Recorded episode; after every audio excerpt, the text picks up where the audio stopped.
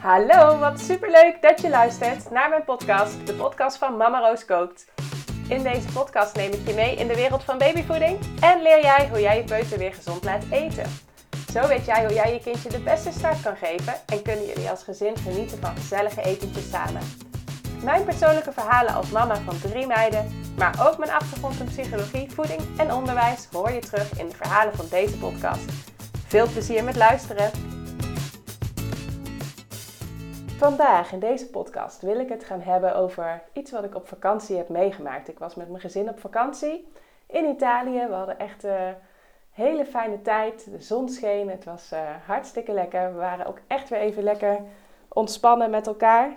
Uh, ik had deze zomer echt een hele heftige zomer gehad met de ziektebed van mijn vader. Die was hartstikke ziek en is uiteindelijk ook overleden. Dus ik heb echt helemaal geen leuke zomer gehad.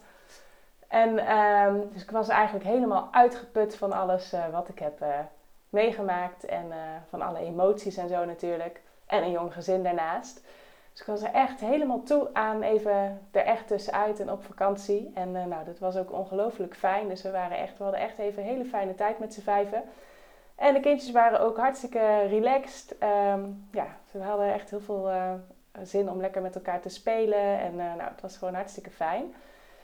Um, en toen maakte ik iets mee en dat, uh, ja, moest ik eigenlijk in eerste instantie wel van lachen. En later zette het me aan het denken. En toen dacht ik, nou, uh, ik vind het toch wel interessant om hier een podcast over op te nemen. Um, en uh, nou, dat was, we waren lekker aan het eten. Het eten in Italië is trouwens ook echt fantastisch voor kindjes. Want je hebt natuurlijk overal ook gewoon lekkere pasta's en zo. Met ook wat groenten doorheen zitten. En um, uh, ja, eh, ze aten echt hartstikke goed. Ze mochten natuurlijk ook elke keer kiezen in een restaurant wat ze dan wilden eten. Soms mochten ze ook een pizza.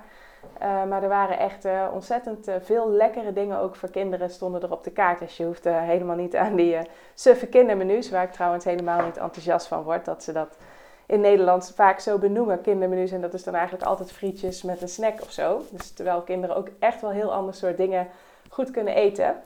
Nou, dat vond ik dus in Italië echt fantastisch. Dus wat dat betreft ook een fijn land om op vakantie te gaan met kinderen. Want um, ja, er is gewoon ontzettend veel uh, wat ze lekker kunnen eten. Het zijn vaak wat grote porties. Dus bijvoorbeeld zo'n, we bestelden dan wel regelmatig een lekkere lasagne of zo. Die we dan um, deelden met de kindjes. Dus die aten ze dan samen op. Maar we zaten op een gegeven moment op het terrasje en we hadden daar lekker pasta gegeten. En uh, nog een salade gegeten, een maaltijdsalade. En uh, nou, kindjes we hadden gewoon lekker ook gespeeld, want er zat zo'n soort van pleintje voor. Dus het was echt ideaal, dus die konden daar lekker spelen. En Rosa die begon op een gegeven moment gewoon een beetje te huilen. Die, kan dat niet, die vindt het niet fijn om heel lang ergens te zitten. Dus die wil dan op een gegeven moment rondlopen en een beetje spelen. En nou, mag ook altijd van ons wel, vooral als er zo'n pleintje bij zit. Dan kan ze daar best wel gewoon eventjes zelf een beetje spelen als je er goed in de gaten houdt. En, uh, maar ze was dus een beetje uh, ja, aan het huilen. En er was een vrouw daar. En, dat was echt in Italië ook fantastisch. Je had heel veel gesprekken met mensen. Omdat iedereen um, ja, echt gewoon heel uh, enthousiast over de kindjes vooral ook was. Dus door de kinderen hadden we heel veel gesprekken. En deze vrouw die kwam ook van... Oh, wat een leuke kinderen. En wat een mooie familie. En zo ja, heel enthousiast en lief. Dus ze had al een paar keer zo met ons een beetje contact gemaakt. En toen ging zij op een gegeven moment afrekenen. En toen kwam ze terug met drie lollies. Super lief bedoeld. Um, en die gaf ze aan ons zo van, nou, uh, voor de kinderen. Maar ze zei erbij van, uh, als de baby nog een keer gaat huilen, dan heb je een lolly om te geven. En nou, ik uh, hartstikke leuk reageren natuurlijk, want ik vond het echt super lief dat ze da dat had gedaan. En um, ja, we, hadden ook echt gewoon een leuk gesprek gehad. En toen kwam ik daarna bij de kassa en toen zag ik dat je ook echt 50 cent voor een lolly moest betalen. Dus ze had ook gewoon echt die drie lollies nog ja, speciaal erbij gekocht. Niet gekregen of zo, maar echt gekocht. Nou ja, super lief natuurlijk. Alleen die zin die ze zei, van die kun je voor de baby gebruiken als de baby uh, moet huilen. Nou, daar ging ik dus over nadenken. En um, het, het uh, dacht ik al meteen van, nou, dit voelt echt niet goed. Het is een rare zin. Maar zo wordt snoep en eten natuurlijk wel heel vaak ingezet. Hè? Uh, kijk maar eens eventjes in je eigen omgeving, of misschien wel zelfs in je eigen huishouden. Um, dat als een kindje um, moet huilen of als er iets is, dat hij getroost wordt met iets van eten. Dus um, ja, in het begin is dat natuurlijk heel logisch. Hè? Je kind gaat huilen uh, als hij bijvoorbeeld uh, net geboren is of als hij een paar maanden oud is. En dat kan ook een teken van honger zijn. Ehm, dus je hebt natuurlijk altijd een paar dingen waar je dan naar gaat kijken. Van heeft hij een poepluier of heeft hij honger of is hij moe? Ehm, nou, in dat geval is het heel logisch hè, dat als hij huilt, dat je hem gaat troosten met melk. Want dat huilen is dan een signaal dat er honger is. Maar op een gegeven moment um, zou je daar helemaal van weg moeten gaan. Want je krijgt een hele rare associatie in je hersenen. Je moet het namelijk zo zien dat jouw hersenen ook reageren dat als ze ergens voor beloond of gestraft worden, ehm, dat ze gaan kijken, ze slaan eigenlijk op van wat ging daaraan vooraf. Dus als ik beloning krijg, dus stel ik krijg een lekker snoepje en ik vind dat lekker. En wat ging daaraan vooraf? Oké, er ging aan vooraf dat ik ging zeuren. Of er ging aan vooraf dat ik ging huilen. Ehm, of er ging aan vooraf dat ik zielig was. Of dat, um, kijk, als er zo'n associatie ontstaat, dus je wordt eigenlijk beloond voor het huilen, of je wordt beloond voor het zielig zijn, of je wordt beloond voor het zeuren, ehm, dan wordt dat de koppeling in de hersenen van jouw kindje. En dat is natuurlijk wel een hele gevaarlijke koppeling. want dat betekent dat iemand daar waarschijnlijk meer van gaat doen. Want er is een beloning tegenovergesteld.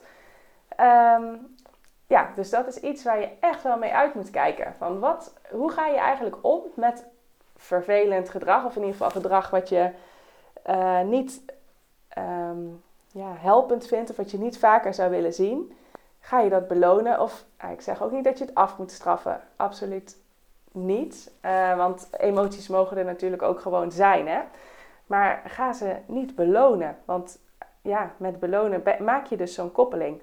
Wat ook het risico hiervan is, wat je ook uh, op latere leeftijd vaker ziet, is dat mensen dit ook voor zichzelf in gaan zetten.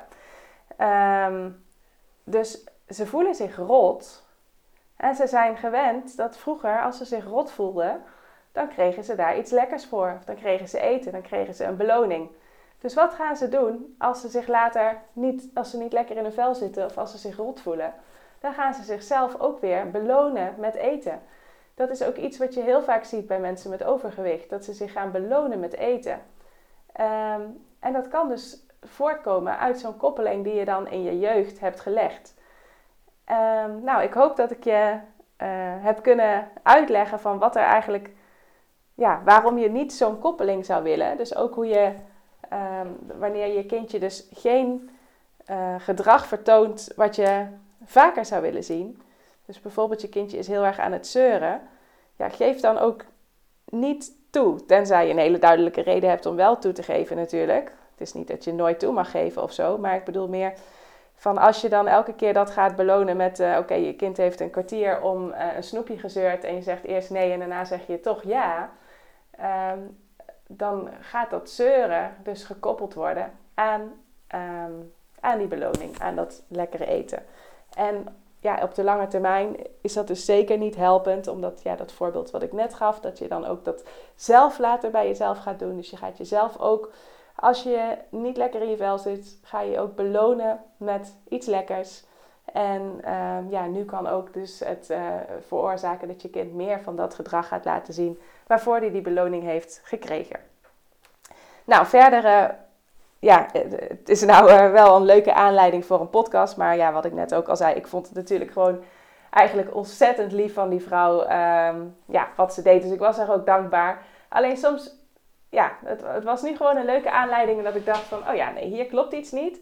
En daarnaast gebeurde dit trouwens ook wel heel veel in Italië. En dat heb ik in Spanje ook al wel vaker meegemaakt met kindjes. En dat vind ik dan wel een hele lastige dat er gewoon echt veel snoep gegeven wordt. Ook in, uh, ja, als je ergens in een cafeetje of in een restaurantje hebt gezeten, dat ze dan daarna echt iets krijgen. En vaak ook best wel iets groots.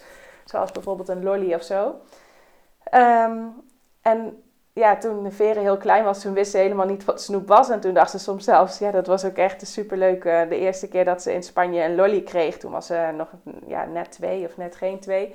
Toen wist ze eigenlijk nog niet wat het was. En toen uh, uh, zeiden wij gracias tegen de lolly. En toen dacht zij dus dat de lolly Gracias heette. En zo, toen vroeg ze ook, deed mag ik met de Gracias spelen? Dus toen had ze een heel ander soort associatie. Maar ja, dat is bij uh, Sterren en bij Rosa natuurlijk geen optie meer. Want een tweede of een derde kindje is dat toch wel heel anders. Want die heeft dan alweer veel meer gezien natuurlijk. Bij Veren konden we het echt nog wel weghouden, het snoepen. Maar bij de andere twee is dat een stuk lastiger. Omdat ze het gewoon al veel meer zien. Omdat nou ja, ze een grote zus hebben, maar ook vaker meegaan naar feestjes waar wat oudere kindjes zijn en dergelijke. Dus ehm, ja, dat is nu een lastige. Maar verder vond ik het dus echt super fijne vakantielanden om te zijn, ook qua eten. En het enige wat trouwens wel lastig was in Italië ook, is dat het eten redelijk laat was. Dus dat je, en dat was in Spanje was het volgens mij zelfs pas 8 uur dat je s'avonds kon eten. In Italië was het dan vaak 7 uur. Dus dan kom je toch al snel bij de wat toeristischere plekken uit, waar je dan wel de hele dag kan eten. Uh, of je moet tot 7 uur wachten, maar dat, uh, bij onze kindjes gaat dat niet uh, heel goed. Dan is het vaak niet meer op z'n allergezelligst. Dus dat was dan nog wel een, een wat lastiger puntje.